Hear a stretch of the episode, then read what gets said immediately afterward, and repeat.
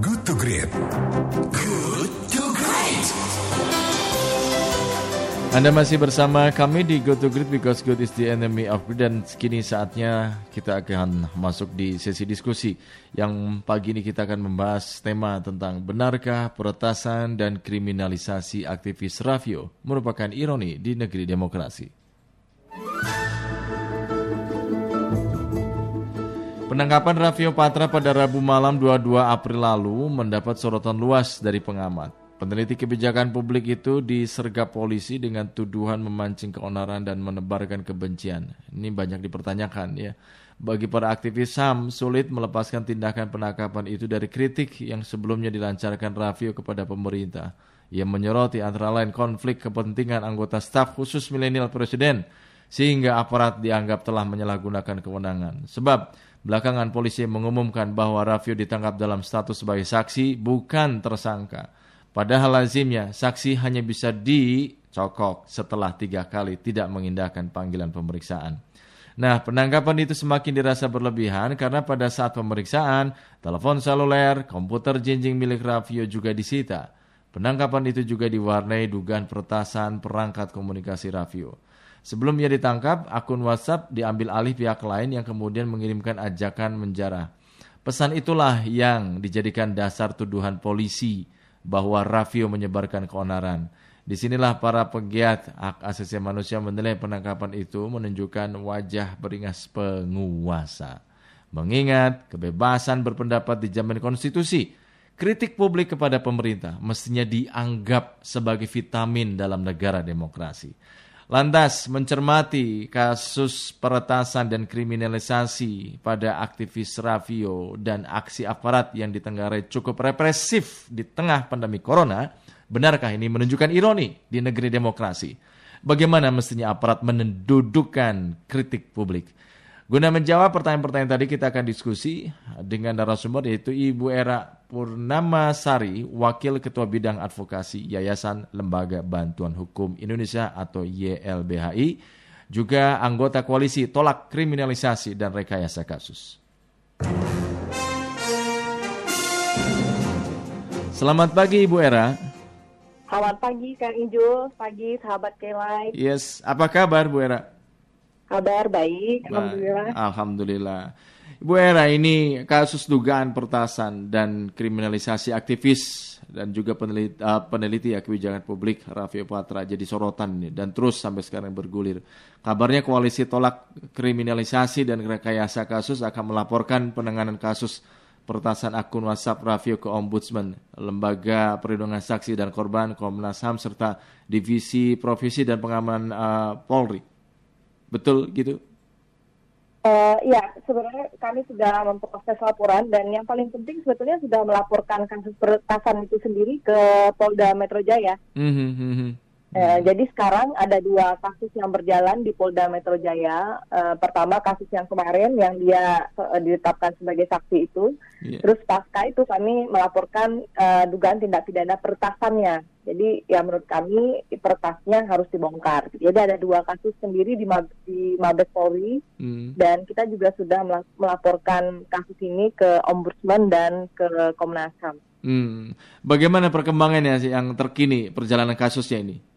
Uh, ya ini yang sebetulnya agak kami sayangkan ya karena kan uh, kita melihat ada ada ada perlakuan berbeda ya ketika hmm. kasus dia dikriminalisasi sendiri itu kan kalau kita lihat tindak uh, gerak polisi kan sangat cepat ya iya, gerak cepat. terjadi pukul 12-an siang jam hmm. 8 malamnya dia sudah langsung ditangkap tanpa surat-surat segala macam hmm. Sementara untuk kasus peretasannya sendiri yang kami laporkan sampai saat ini belum ada tindak lanjutnya. Kami belum menerima panggilan satupun terhadap saksi-saksi di kasus yang belum. Hmm, sudah ditanyakan kenapa tidak cepat gitu, tidak seperti penangkapannya gerak cepat gitu? Uh, ya, kemarin sempat komunikasi uh, rekan kami itu dengan uh, penyidik yang untuk mempertanyakan apakah uh, seluruh barang elektronik, handphone maupun laptop Rafio sudah di, bisa dikembalikan. Nah, dia mengatakan belum bisa karena masih dalam proses, masih menunggu antrian. Nah, ini yang yang menurut kita agak uh, aneh, gitu. Ya? aneh dan dan patut disayangkan ya, karena itu kan uh, seluruh kontrol hidup Rafio sekarang udah nggak di tangan dia gitu. Hmm. Urgensi apa ini yang membuat kawan-kawan ini terus mengawal kasus ini? Apa yang sebetulnya uh, paling krusial sehingga harus diperjuangkan gitu, Mbak? Uh, iya, pertama kita uh, pasti semua sepakat bahwa esensi demokrasi itu kan kebebasan gitu, dan yeah. Iya. uh, salah satu ya kebebasan berpikir, kebebasan untuk mengkritik, menyampaikan kritik, kebebasan untuk berkomunikasi gitu ya Hmm. Dan uh, agak sulit bagi kita untuk mengenyampingkan fakta bahwa uh, uh, persoalan ini ada kaitannya dengan uh, eksistensi rasio selama ini uh, hmm. sebagai peneliti dan dia juga uh, sering menyoroti soal mengkoreksi ya melakukan langkah koreksi terhadap kebijakan-kebijakan yang menurut dia keliru. Hmm. Jadi uh, melihat potret, potret kasus ini dan melihat uh, kronologisnya sangat sulit dilepaskan dari uh, hal dari hal itu. Hmm. Nah, yang kedua, uh, akhir-akhir ini banyak sekali kecenderungan kalau polisi itu cenderung menangkap orang terlebih dahulu tanpa bukti. Hmm. Jadi bukti-bukti yang penting tangkap dulu, bukti kemudian. Hmm. Tangkap orang, terus kemudian handphone orang diakses, nanti di situ kemudian ditelusuri kira-kira apa yang bisa mengaitkan dia dengan kasus-kasus yang lain. Nah, hmm. kami melihat ada kecenderungannya di situ, sehingga memang kalau kasus Raffio tidak ditangani, ini bisa berbahaya bagi demokrasi, terutama bagi aktivis gitu. Hmm. Adakah analisis uh, analisa sampai uh, terakhir itu apa yang disoroti oleh Raffio Patra sehingga akhirnya apa ber, apa berujung pada kasus seperti ini? Uh, ya sampai sekarang kan kita tidak bisa menuduh ya, yang kita tidak bisa menuduh. Yang jelas uh, dalam situasi beberapa bulan terakhir dia sangat uh, vokal menyoroti soal kebijakan penanganan COVID-19 dan uh, dia sempat berkomunikasi terakhir kali dengan staf khusus presiden ya. Saya tadi saya dengar juga ininya pengantar diskusinya. Hmm. Uh, itu pagi-pagi handphonenya masih nggak ada masalah dan dia komunikasi terakhir itu sekitar pukul 8 dengan dengan uh, pagi ya status eh, khusus presiden itu dan jam 12-nya dia diretas. Kita tidak bisa melihat kaitan langsung, tapi inilah fungsinya ada penyidikan dari polisi. Hmm. Kalau polisi nggak melakukan penyidikan ini, maka nggak selamanya kasus ini akan akan uh, di, terkubur aja siapa punya pertas. Hmm. Sudah sejauh mana itu kasus yang dilaporkan untuk yang tadi ya? Kan ada dua kasus ya yang dilaporkan, ada dua laporan maksud saya. Ya. Nah, yang soal pertasan sejauh mana nih respon dari polisi sendiri? Ya itu yang saya bilang soal pertasannya sendiri dia kenapa sangat lambat gitu. Yeah. Ini kan kami, kita melapor itu ini sudah hampir seminggu lebih ya. Mm-hmm. Uh, mestinya kan sudah ada surat panggilan lah setidaknya ya. Itu mm. belum sama sekali belum kita terima. Mm. Gitu. Itu yang tadi saya bilang kenapa mm. di kasus laporan pertasannya sendiri uh, mm. ketika Raffi kasus terlapor uh, tindakannya sangat lambat tapi dalam sisi lain polisi kayaknya sangat bernafsu banget menangkapi Raffio tanpa bukti gitu. Hmm. Soal peretasan WhatsApp Raffio, apakah Anda melihat korelasi yang begitu kuat gitu loh dengan penangkapan dilakukan oleh pihak kepolisian? Uh, iya, sorry, soal ulangi. Soal peretasan uh, WhatsApp Raffio, apakah Anda melihat korelasinya yang begitu sangat kuat gitu dengan penangkapan yang dilakukan pihak kepolisian?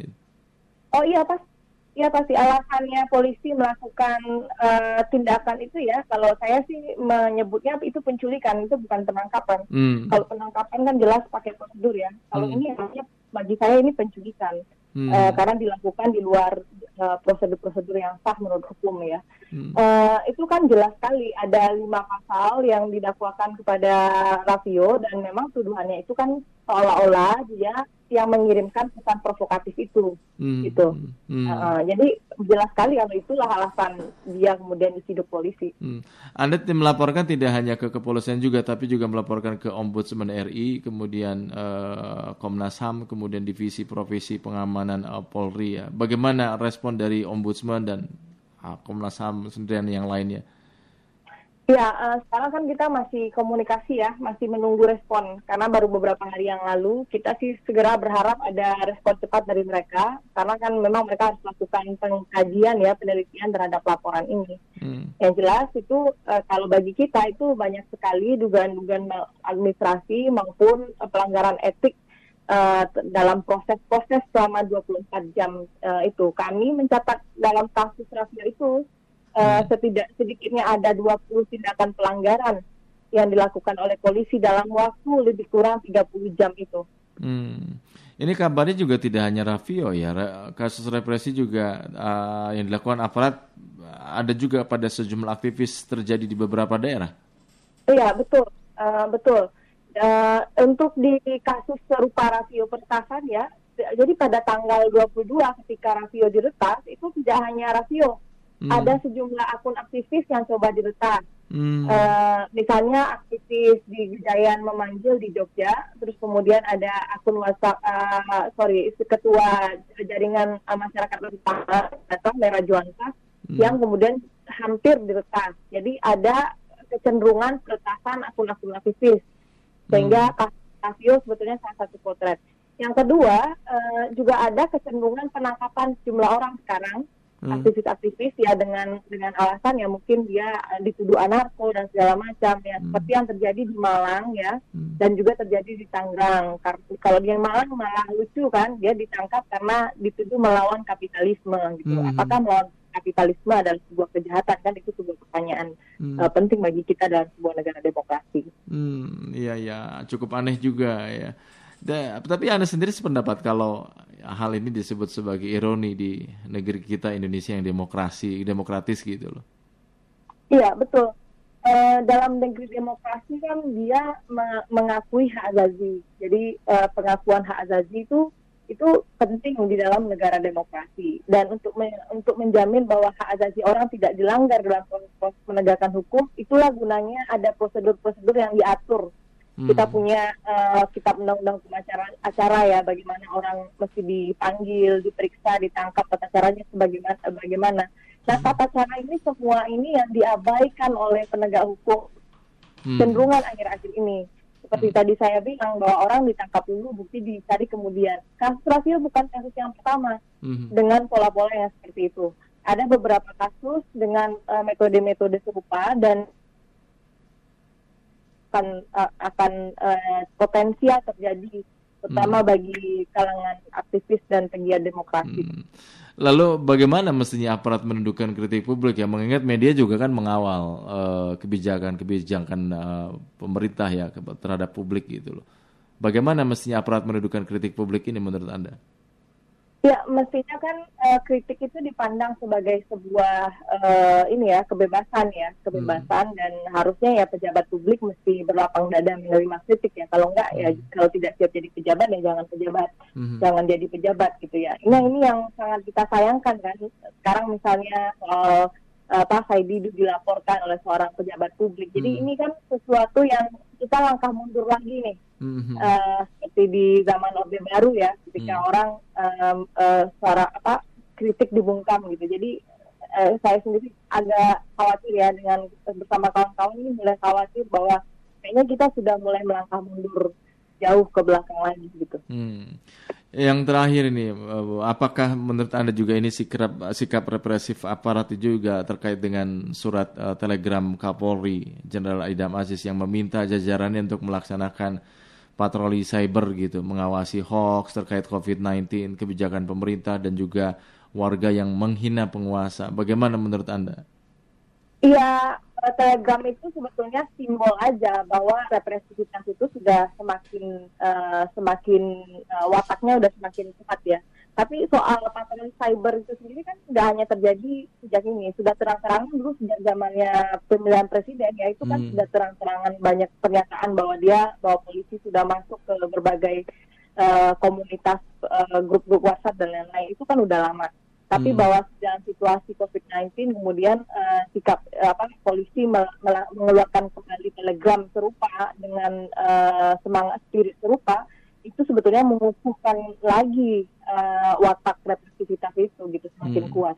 Hmm, baik baik, Bu Era, terima kasih atas waktu kita bincang-bincang pagi ini. Iya, terima kasih. Ya, selamat pagi, sukses untuk selamat anda. Pagi. Ya. ya. Demikian sahabat Kelight, era Purnama Sari, Wakil Ketua Bidang Advokasi Yayasan Lembaga Bantuan Hukum Indonesia yang juga anggota Koalisi Tolak Kriminalisasi dan Rekayasa Kasus.